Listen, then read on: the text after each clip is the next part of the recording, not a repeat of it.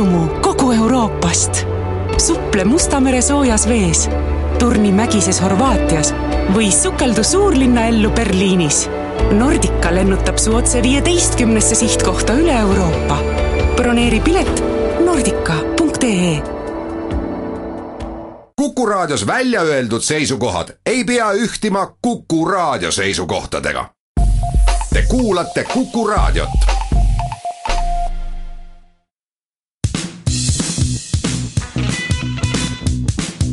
Põnts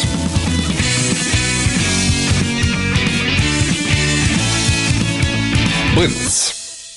tere päevast, me alustame saadet. Ja täna on meil stuudiosse palutud tervise- ja tööminister Jevgeni Ossinovski, saatejuhid on Huko Aaspõllu ja Janek Luts. teemaks siis ravikindlustuse rahastamine ja kohe sissejuhatuseks olgu öeldud, et kõik see, mis me tänases saates räägime, ei puuduta aastat kaks tuhat kuusteist ja tõenäoliselt ka mitte aastat veel kaks tuhat seitseteist, sest erinevad analüüsid, millest räägitakse ja mille alusel on esitatud ka siis väide, et äh, ravikindlustuse rahast ei jagu ja Haigekassa hakkab nii-öelda tiksuma miinusega kuskil pärast aastat kaks tuhat kakskümmend. aga Jevgeni Ossinovski, selline analüüs on tehtud, äh, valitsus, tänase valitsuse koalitsioonilepingus otseselt nii-öelda raha juurdeleidmiskohustust ei ole, te võtsite kohustuse ainult analüüsida. kas me saame alustada nii-öelda saadet siis sellega, et äh, ükski maks lähiajal ei tõuse? tere päevast, esiteks jah, tõepoolest, et Äh, inimeste rahu, rahustamiseks, et meil kindlasti siin lähiaastatel ei ole, ei ole seda küsimust, et riik ei suudaks maksta äh, raviteenuste eest, äh, mis, mis kuidagi ohustaks siis tervishoiuteenuste kättesaadavust, et seda tõepoolest lähiaastatel ei ole, kuna Haigekassal on piisavalt suured reservid veel aastani kaks tuhat kakskümmend umbes, nagu saatejuht ka ütles, aga teisest küljest miinuses on Haigekassa eelarve olnud juba aastast kaks tuhat kolmteist, nii et eks me tegelikult on tegemist sellise pikemaajalise trendiga. Ja eks see, et me sellesse tänasesse seisu jõuame, oli muidugi ennustatav juba aastal tuhat üheksasada üheksakümmend üks suures järgus, et siis, kui demograafia läks negatiivseks, ehk siis iive läks negatiivseks, et ühel hetkel see tööturule ka jõuab ja koos siis üldise elanikkonna vananemisega oleme me siis jõudnud olukorda, kus eakaid tuleb Eestis juurde, kes vajavad tervishoiuteenust ja teiselt poolt neid, kes maksavad tervishoiuteenuse eest jääb vähemaks, ehk siis tööealist elanikkonda jääb vähemaks. Ja selles kontekstis on loomulik, et me peame tegelikult muudest tuludest hakkama äh, ravikindlustusse juurde maksma, täna me maksame siis ainult sotsiaalmaksu ravikindlustuse osast ja ka teised riigid on selles samas suunas ka liikunud ja meil on Maailma Terviseorganisatsioon juba aastast kaks tuhat viis soovitanud seda, et me võiksime näiteks pensionäride eest, riik võiks ära maksta ravikindlustuse osa Haigekassasse, et seda teenust laiendada ja nüüd on aeg neid arutelusid pidada, et kui konkreetselt on küsimus, et kust, kust tuleb raha, siis eks ehm, riigi teistest tuludest, äh, aga, aga kas meil on valitsuses kokkulepe, et me ühte või teist maksu siin kas täiendavalt hakkame tõstma või uut maksu kehtestamist, seda kokkulepet ei ole nagu öeldud, ei ole selle, nende otsustega ka kuidagi hirmkiire selles mõttes, et need tuleb täna või, või, või, või järgmisel, järgmise aasta jooksul need vajalikud rahalised vahendid leida, et seda, seda vajadust ka ei ole, aga, aga tõepoolest oleks mõistlik äh, pikemas vaates need otsused täna ära teha ja selleks, et me siis kunagi ei, ei satuks sellesse olukorda, et tõepoolest raha hakkaks Haigekassas otsa saama tuleks korra nagu saate alguse poole natuke tagasi, et meil on täna külas tervise- ja tööminister Jevgeni Ossinovski, kes just rääkis ja kes saadet alustas, oli Janek Luts ja mina olen Huko Aaspõllu. aga kui rääkida nüüd numbritest, et äh, siis äh, mida Sotsiaalministeerium on äh, koostöös Haigekassa ja erinevate osapooltega siis analüüsinud, et meil on vaja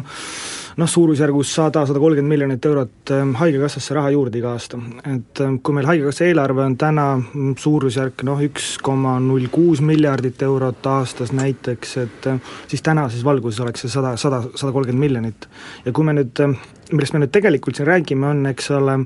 Haigekassa eelarve lahtisidumine mm, sotsiaalmaksust, ehk siis töösuhetest, töölepingutest. et me ütleme, et täna, et meil on prognoosi järgi, me ei saa seda nii-öelda Haigekassa eelarvet pikas perspektiivis kokku, kui me ainult makse kogume, noh, selle jaoks makse kogume sihtotstarbeliselt töölepingute pealt ja et, et meil on, meil on siin näha tulevikus, kuidas meil mõnes mõttes töötamine kui selline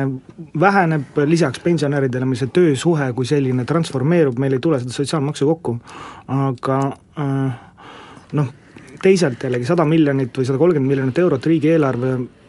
mõistes äh, ei ole suur raha, aga ta on suur raha, kui sealt kõik automaatsed äh, noh, eraldised välja arvata et ma saan aru, et rahandusminister on juba öelnud, et noh, seda raha ei ole ja seda ei tule ka tõenäoliselt. Ei, selles mõttes, et, et, et, et kõik õige, et äh, meil on tõepoolest äh, täna tööjõumaksul põhinev, põhinev ravikindlustussüsteem põhimõtteliselt, äh, samas kui me võtame proportsiooni kindlustatutest ja siis nendest, kes ka sinna sisse maksavad, siis see aina rohkem nihkub paigust, paigast ära, meil on kolmsada tuhat vanaduspensionäri Eestis ja, ja hetkel umbes kuussada tuhat töötajat ja nüüd järgmise viieteist Nendest pensionäridest minu arust veel kakssada, üle kahesaja tuhande ei tööta, et kuskil sadakond tuhat töötab ka. üheksakümmend tuhat töötab ja, ja kakssada kümme tuhat siis ei tööta, kokku umbes kolmsada tuhat neid ja kui me siis nüüd edasi vaatame seda prognoosi, siis äh, koos pensioniea tõstmisega aastani kaks tuhat kakskümmend kuus hetkel äh, pensionäride hulk märkimisväärselt ei suurene, küll aga väheneb tööealise elanikkonna äh, hulk, nii et aastaks kaks tuhat kolmkümmend prognoosi järgi umbes saja tuhande inimese võrra, nii et see nii-öelda noh, osakaal või proportsioon siis nendest, kes maksavad maksu ja nendest, kes teenust saavad, igal juhul halveneb süsteemi mõttes ja, ja selles kontekstis on loomulikult seda süsteemi vaja muuta. ja selles ei ole tegelikult kellelgi erimeelsust, et ka Rahandusministeerium, kes on selle analüüsiga meiega koos käinud, meil on seal pisike vaidlus sellest, et täpselt missuguse mudeliga hakata Haigekassasse juurde maksma. et nemad on pakkunud mingit keerulist sellist demograafial põhinevat arvestusvalemit, me oleme öelnud, et lihtsalt maksame pensionärid pensionäride eest ära, kes, kes ise tööl ei käi, riigi poolt ongi kogu moos, mis me seal väga nii-öelda keeruliselt äh, hakkame arvutama seda. aga põhimõtteliselt see, et see süsteem vajab muutmist, seda kõik aktsepteerivad, et ega sel, sellest tegelikult ei ole pääsu aga.... no rahandusministri ametnikud selle analüüsi koostamisel on pigem ikkagi pakkunud rohkem tehnilist laadi abi, selles mõttes, et teha arvutusi või, või anda sisendit erinevate prognooside näol, et see on, ma saan aru, on ikkagi suuresti Sotsiaalministeeriumi enda töö siiski ei, loomulikult, aga eks, eks Rahandusministeerium peab seda, seda analüüsi ka tegema, et mis siis pikas vaates saab, ega küsimus ei ole selles, et Sotsiaalministeerium tahaks meeletult raha saada Rahandusministeeriumist, küsimus on selles, et Eesti tervishoiu ja pensionikindlustus on kaks kõige suuremat nii-öelda ettemääratud kuluallikat, mis on kõige suurema demograafilise surve all. Mm. Ja selleks, et Eesti riik ja ühiskond jätkusuutlikult saaks areneda, peavad need kaks süsteemi jätkusuutlikult toimima, see on, see ei ole ühe ministeeriumi asi. Ja, ja, ja kui me seda paika ei saa, siis me oleme väga suures jamas. sotsiaalministeerium on kõige suurem kuluministeerium Äh, investeeringuministeerium, me investeerime inimestesse. ei, aga noh, siiski, et äh, selleks, et leida sada miljonit juurde või sada kolmkümmend miljonit juurde aastas või kakssada miljonit juurde aastal kaks tuhat kakskümmend näiteks, äh, meil on vaja kas riigis see raha kokku hoida, tõsta makse või noh, põhimõtteliselt lasta riigieelarve negatiivseks, need on kolm variatsiooni, mis meil tegelikult on. no esiteks sotsiaalmaksu laekumine ikkagi hetkel koos suure palgatõusuga ka kogu aeg paraneb, nii et Haigekassa eelarve tegelikult umbes viiekümne miljoni euro võrra iga aastaga suureneb iseenesest tulu aga, aga see paraku ei kompenseeri siis seda demograafilist äh, vähenemist, mis, mis meil samal ajal on. nii et kui me vaatame siin riigieelarve pikemaajalisi prognoose, siis eks ikkagi niimoodi aastate peale tekib seda täiendavat raha ka lihtsalt sellest, et maksulaekumine suureneb äh, koos, koos siis majanduskasvuga, mis küll viimasel, viimastel aastatel ülemäära hea ei ole olnud, aga palgakasv on olnud päris hea, nii et maksulaekumised on olnud positiivsed, nii et seda, et et ka ilma igasuguseid makse tõstmata oleks võimalik aastal kaks tuhat kakskümmend või kakskümmend üks umbes noh, ütleme sada, sada miljonit eurot äh, Vabariigi Valitsusel täiendavalt või Riigikogul täiendavalt otsustada ühte või teise kohta suunata, et see, see võimalus tegelikult on olemas ka ilma makse tõstmata, see on prioriteetide küsimus. ja prioriteetidest veel rääkides, siis eks äh, vaatame, on ju, rahvusvahelist võrdlust, et Eesti proportsioon või protsent SKT-st, mille me kulutame tervishoiule, on pärast, pärast Lätit siis äh, eelviimast viimasel kohal Euroopa Liidus ja, ja me tegelikult oleme tervishoidu pannud kaunis vähe raha ja selle vähese eest saanud üsna head teenust, aga, aga paraku selline, selline pidu lõpmatult kesta ei saa, nii et nüüd on, on aeg sellesse süsteemi ka rohkem panustada. siinkohal teeme väikese pausi ja jätkame hetke pärast Põnts.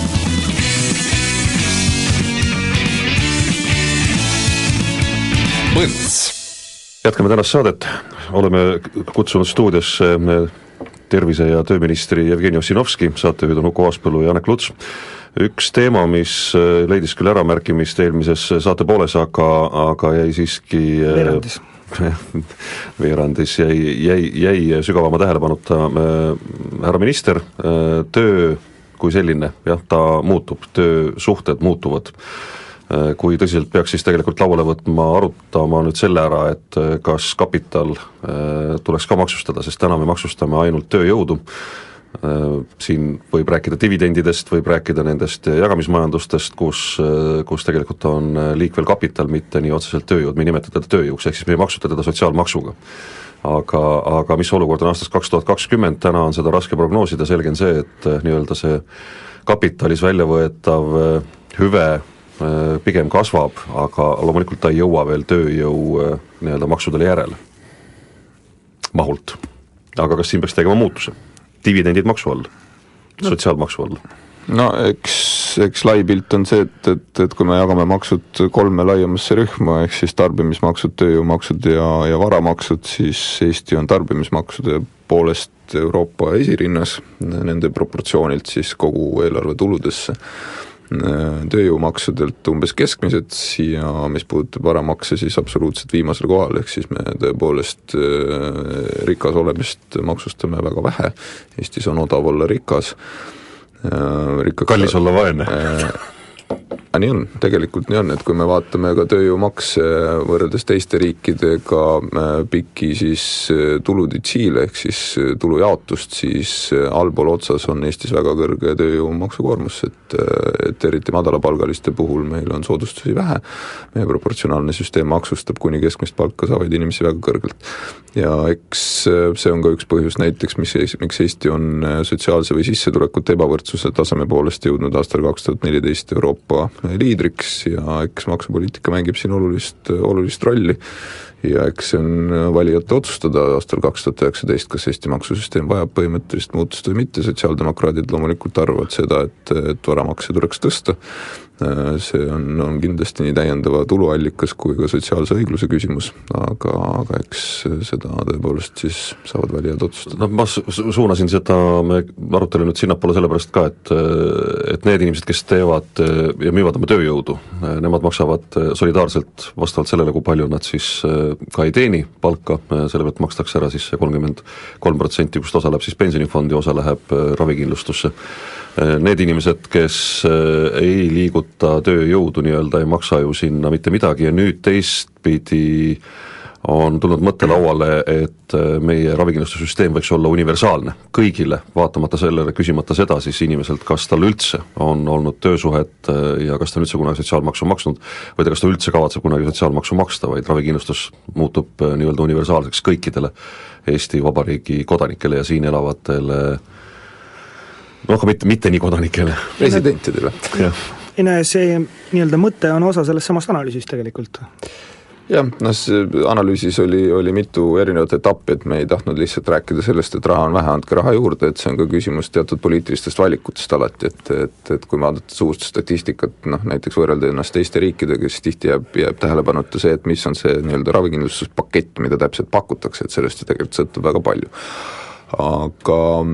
aga iseenesest Eestis on solidaarne sundkindlustus, see tähendab seda, et sa ei saa ise valida, kas sa oled kindlustatud või mitte, ja ta on selles mõttes solidaarne, et, et sa ei saa ise otsustada, palju sa sinna panustad või palju sa sealt äh, lõpuks kätte saad, äh, mis tähendab seda, et oma olemuselt ta peakski olema universaalne. selle mõte on see, et tegelikult kõik Eesti inimesed oleksid kindlustatud, lapsed on eraldi kindlustatud, eakad on eraldi kindlustatud ja eeldus on see, et kõik tegelikult töötavad. Nii et, nii et oma olemuselt, oma loogikalt ongi ta tegelikult universaalne, et kõik inimesed peaksid olema kindlustatud, põhjus, miks ta nii ei ole, et meil ei ole universaalne, on tegelikult ju seotud sellesama maksulaekumisega, et, et kui kui rääkida noh, ma ei tea, Rahandusministeeriumiga, siis nende põhiline mure on see, et kui laiendada kindlustuskaitset, muuta seda nii-öelda paindlikumaks, selle saamist näiteks loomeisikutel, kes töötavad äh, võlaõiguslike lepingute alusel, siis äh, öeldakse selle pealt, aga noh, siis ju ei maksta enam, on ju, makse ära, et siis, siis hakatakse rohkem mustalt töötama. nii et küsimus on tegelikult maksu optimeerimine, maksukorralduslik, mitte sisuline, nii et, et tervishoiusüsteemi poole pealt või tervishoiusüsteemi mõttes on täiesti äh, selgelt eesmärgiks see, et Eestis oleks kõikidel ravikindlustused oleksid püsivalt, see, see võimaldab tegelikult noh, nii-öelda inimesel oma tervist jälgida ja saada oma probleemidele äh, lahendus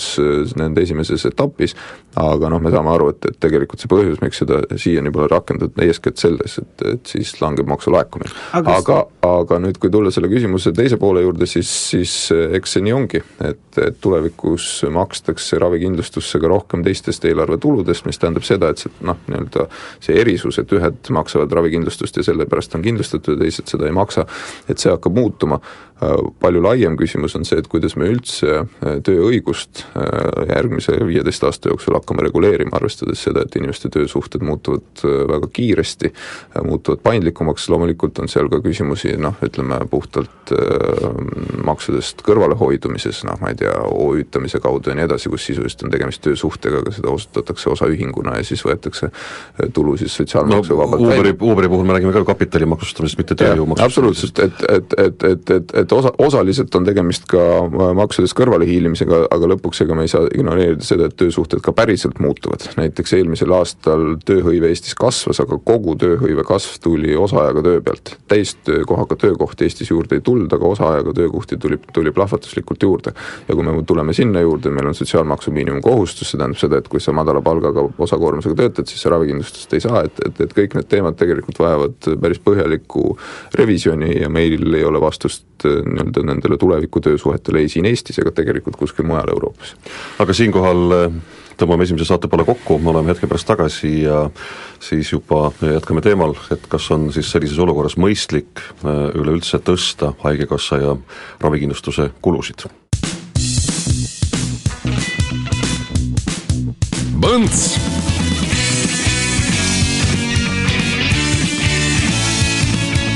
Põnts. Jätkame tänast saadet, stuudios on töö- ja terviseminister Jevgeni Ossinovski, saatejuhid Uku Aaspõllu ja Janek Luts.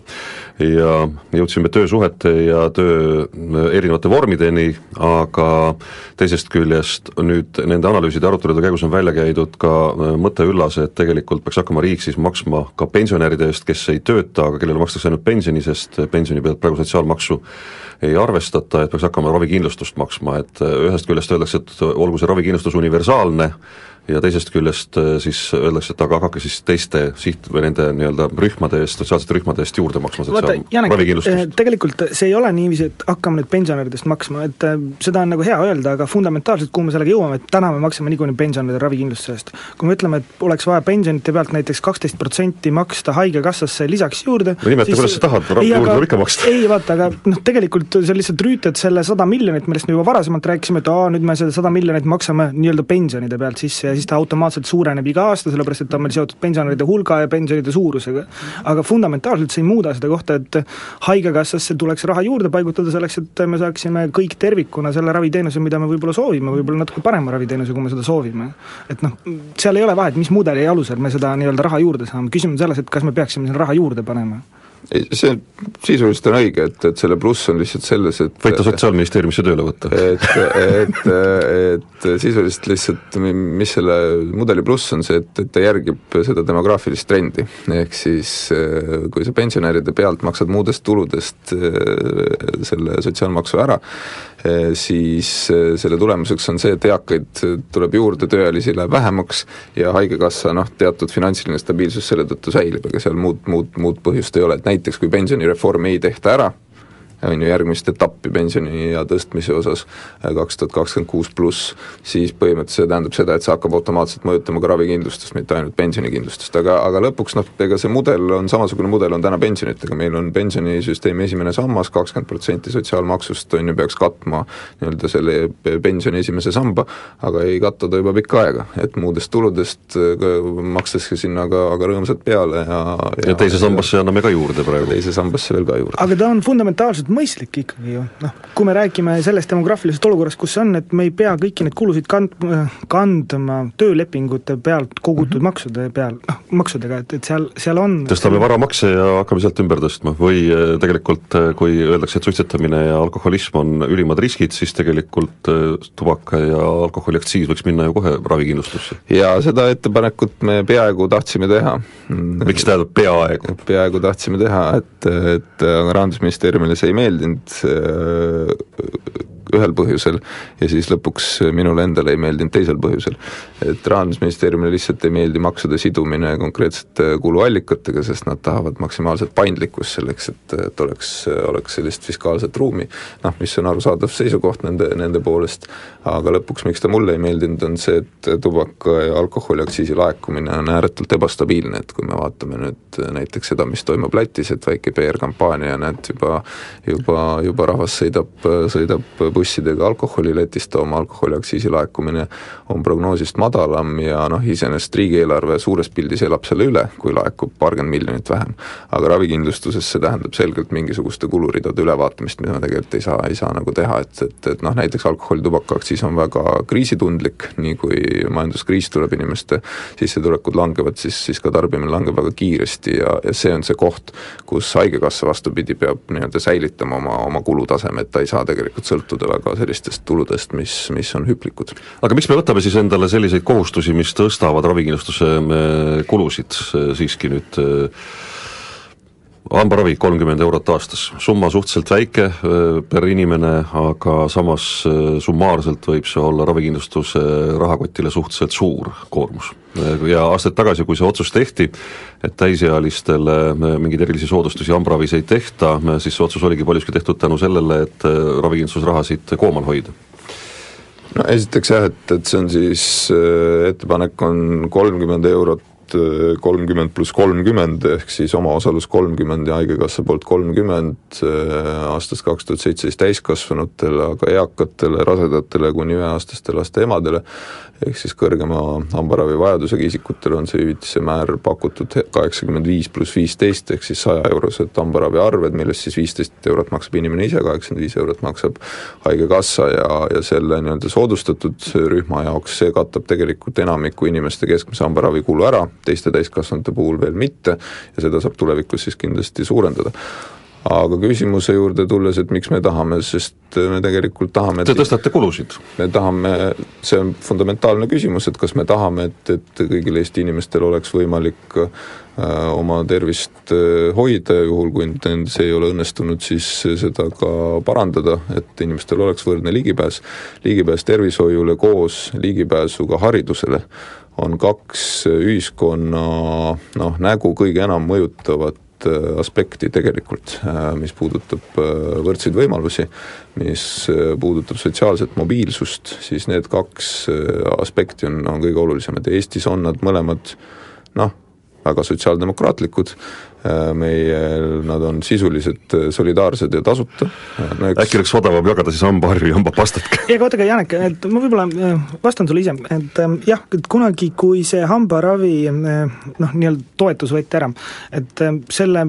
mõi-, mõte või mõju oli otseselt jah, kulusid kokku tõmmata ja kuidas see siis töötas, oli see, et, et vaesed inim-, vaestele inimestele muutus hambaravi noh, kättesaamatuks või kättesaamatumaks, kui ta ennem oli. et äh, inimesed, kes saavad ise oma hambaravi eest äh, maksta, nende jaoks on okei okay see asi. Nende jaoks, kes ei saa, siis selle toetuse äravõtmine vähendab seda juurdepääsu. ehk siis, kui sa oled vaene, siis sul on ka hambad katki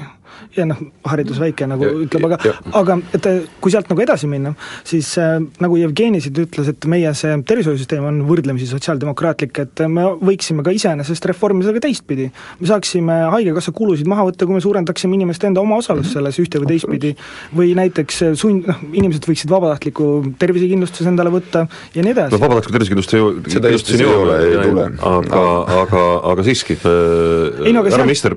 ja Uku, sulle sama küsimus, meil on täna kuni kaheksateistaastastele, noh vabandust, siis üheksateistaastasteni on hambaravi tasuta, mitte siis iluravi, aga siis äh, nii-öelda stomatoloogiline või ortodontide poolt määratud ravi äh, tehakse siis alaealistele riigi poolt, seal on ka tegelikult omaosalus, visiiditasusid tuleb maksta röntgenipiltide ja ma ei tea, mis asjade eest veel, aga sellegipoolest seda võimalust kasutab ju ainult kakskümmend protsenti. Või on see protsent tõusnud? ei, ma nüüd peast täpselt ei ütle, aga ei, see on ikka tõusnud, see on kaks kolmandikku umbes, midagi kuuekümne, seitsmekümne protsendi vahel, kes, kes ikkagi käivad, aga, aga selles tähendab, kui, need inimesed väljuvad juba katkiste hammastega, siis me jäämegi neid ju maksma pärast. loomulikult, et see on, see on kindlasti üks teema, kus ka Haigekassa pöörab selle oluliselt rohkem tähelepanu, siin on, on rahastatud ka mitmeid projekte, mis tegelevad just, just laste suutervisega, oleme rääkinud Hambaarstide Liiduga ja, ja tulevikus võiks, võiksime ka Perearstide Liiduga sellest rääkida, et näiteks perearst jälgiks seda, kas lapsed on käinud hambaarsti juures või mitte, see info tegelikult peaks tervise infosüsteemi jõudma, perearstil kättesaadav olema, et, et, et öelda, et kuulge, et, et nüüd aasta aega või juba kaks aastat laps ei ole teil käinud hambaarsti juures, et, et see on tasuta, minge, minge tehke see ära. et, et kindlasti ju suur hulk nendest probleemidest hakkab, hakkab juba lapsepõlves peale ja loomulikult, ega ka selle täiskasvanute hambaravihüvitisega kõik loomulikult sellele teenusele ei jõua, äh, kas sellepärast, et nad ei hooli lihtsalt ka siis, kui see on tasuta, meil on teisigi riiklikke teenuseid, mis, mis on tasuta, aga inimesed lihtsalt ei hooli, isegi kui nad, see on nendele kasulik. aga üldiselt on selge, et see vähendab seda finantsilist tõket ja, ja inimeste ligipääs hambaraviteenusele suureneb. et selle jutu tõestuseks, mida Uko just rääkis, et, et kui me võtame eh, inimeste omaosalust tervishoius äh, laiemalt, siis eh, kui me võtame selle nüüd tulu kvintiilide ehk siis viiendike kaudu kaupa lahti, siis alumistes kahes-kolmes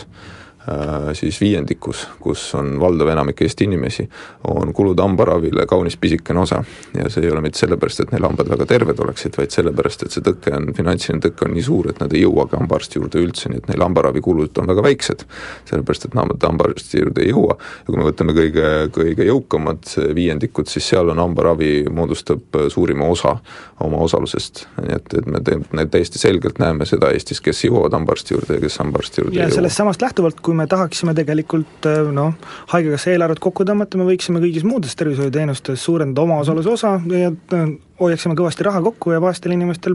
halveneks juurdepääs tervishoiuteenustele. ja see on lõpuks tõepoolest poliitilise valiku küsimus,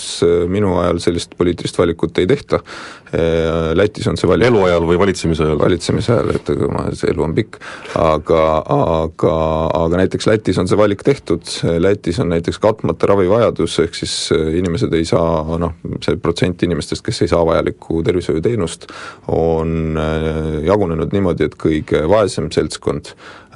nende katmata ravivajadus on umbes nelikümmend protsenti ja kõige rikkamal seltskonnal on alla viie. nii et need käärid just selles ligipääsus, noh seal ka minister hiljuti astus tagasi, sest ostis ennast järjekorrast ette näiteks, aga, aga Eestis seesama number on, on äh, väga muljetavaldavalt lähedal, ehk siis kõige rikkama, kõige vaesema seltskonna ligipääsu erinevus on väga väike, äh, meil kõigil tõepoolest on katmata ravivajadus, sest järjekorrad on pikad, aga, aga seda erinevust on, on kaunis vähe, nii et see süsteemi solidaarsus usaldus on selle süsteemi üks suurimaid väärtusi ja seda kindlasti lõhkuda ei tohiks. aga siinkohal väikene paus ja me jätkame hetke pärast. Põnts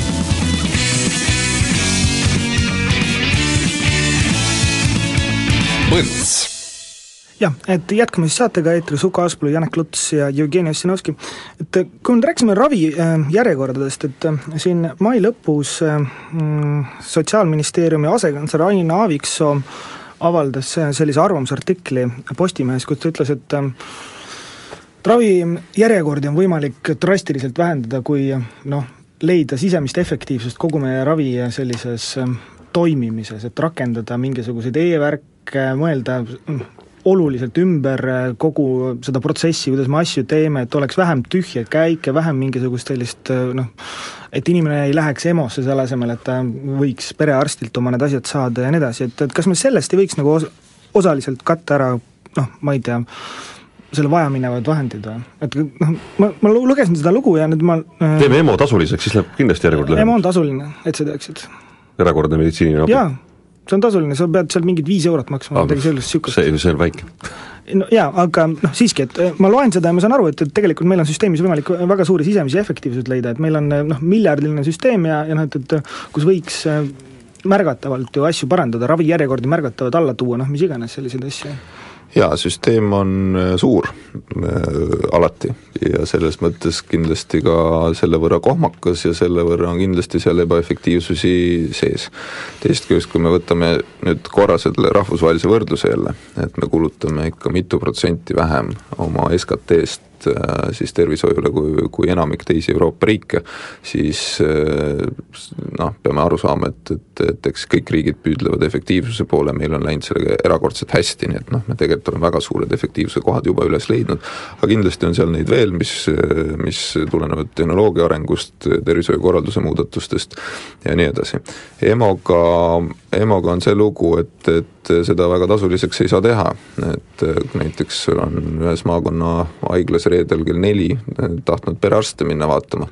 aga siis paraku perearstid olid juba koju läinud ja järgmine kord tulevad nad esmaspäeval, nii et, et aga see on ilmselgelt probleem ju tegelikult. kui sul vahepealsel ajal on, on, on vaja mingisugust äh, meditsiinilist abi, siis eks sa EMO-sse lähed, kus sa mujale ikka lähed. jaa, aga see on ju probleem. see on probleem, sellepärast me pikendame või suurendame perearstide siin motivatsiooni, et nad oleksid lahti ka töö, töövälisel ajal, sest, sest seda, et, et, et kõik inimesed jõuaksid tööajal, töö ajal perearsti juurde, et seda kindlasti eeldada ei saa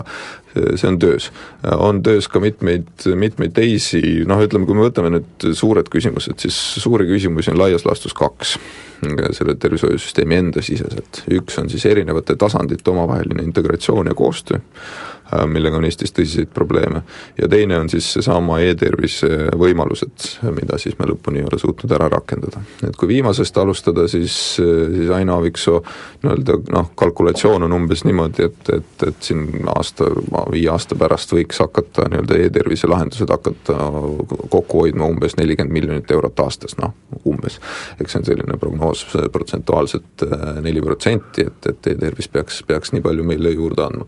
et seal on kindlasti käegakatsutavaid ja lihtsaid asju, nagu digiregistratuur, mis on jumal teab mis põhjustel veninud ja veninud ja veninud ja me jätkuvasti peame paljudes haiglates no kaks, kaks suurhaiglat ei ole omavahel väga selgelt kokkuleppele jõudnud. jah, aga neid suurhaiglaid on teisi veel, et eh, käisin ise Ida-Tallinna Keskhaiglas ja noh, pole seal midagi teha, et seisad registratuuri järjekorras ja ainult niimoodi saadki, on ju. väga jabur lugu tegelikult. absoluutselt, ja siis, või siis helistad telefonis, mis on kogu aeg kinni ja püüad siis, siis saada. et, et selle, selle me nüüd eh, loodame loodame järgmise aasta jooksul ära teha, et tõepoolest oleks ühtne süsteem, kuidas, kuidas neid äh, arstijärjekordasid hallata. üks asi, siin on loomulikult ka mitmeid ebapopulaarseid valikuid, üks asi, kuhu suunas me liigume, et me kaotaks ära saatekirjate erialad, meil täna on neli saatekirjate eriala, näiteks nahaarstid on totaalselt ülekoormatud, natuke tehti äh, häirekella löödi melanoomi teemal, mis on iseenesest väga õige, et, et, et sellele tuleb tähelepanu pöörata, pärast seda enam sisulist nahaarsti juurde keegi, keegi ei saa, et, et kõik käivad oma vistrikke näitamas.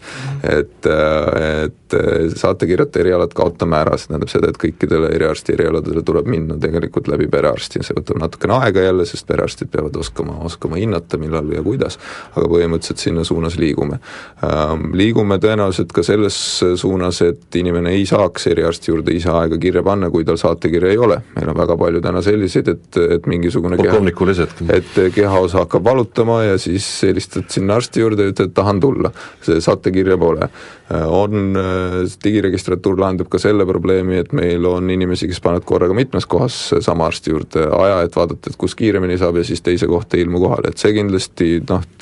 digiregistratuur ja, ja mitmed osad siinkohal, mis e-tervist puudutab, need võimaldavad siin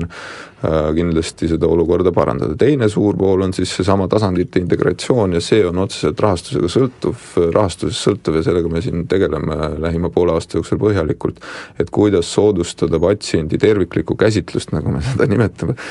kõlab bürokraatlikult siis erinevate tasandite lõikes, et meil on täna perearste rahastatakse omamoodi, nemad on ju, toimetavad oma nii-öelda stiimulite süsteemi loogikas, neil on alati hea inimesi ära saata eriarsti juurde, miks mitte, et minge sinna, et küll nad teiega teevad ja teevad teiega analüüsi nii ja naa, nemad rohkem kulu ei kata, eriarsti huvitab või eriarsti osutajat, siis haiglat huvitavad tükid, ehk siis ravijuhud, et teeme aga, on ju, teeme selle uuringu ja tee tolle uuringu, kõik on väga vahva, on ju see, mis toimub enne seda või pärast seda, eriarsti süsteemi iseenesest huvitab vähe, ehk siis meil nagu seda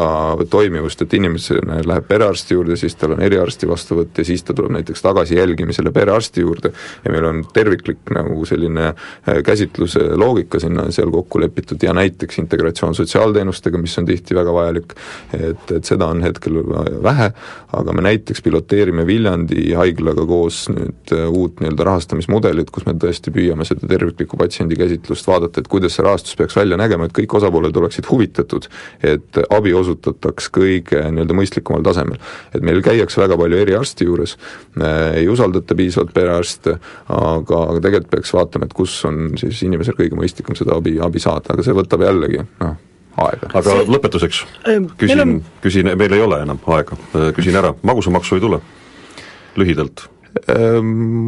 Tundub, et hetkel poliitilist konsensust selles valitsuses ei ole, aga ühel hetkel tuleb ta kindlasti.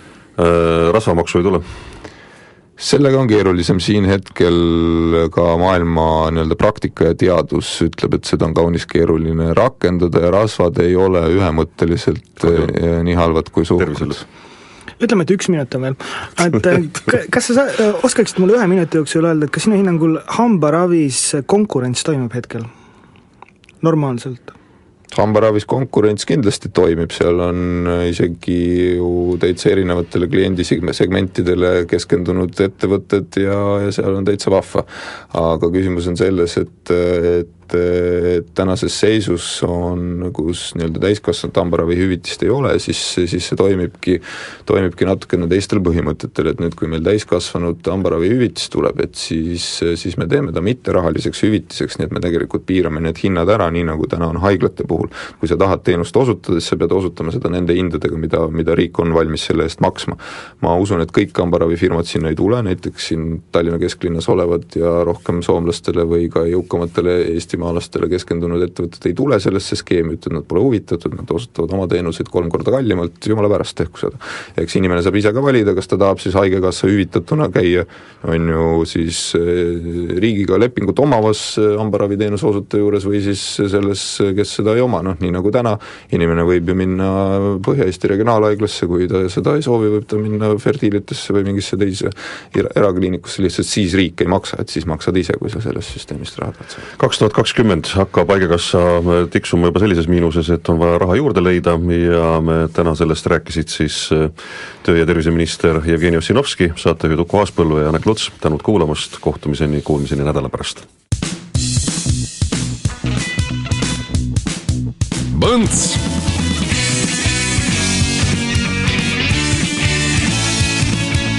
Põnts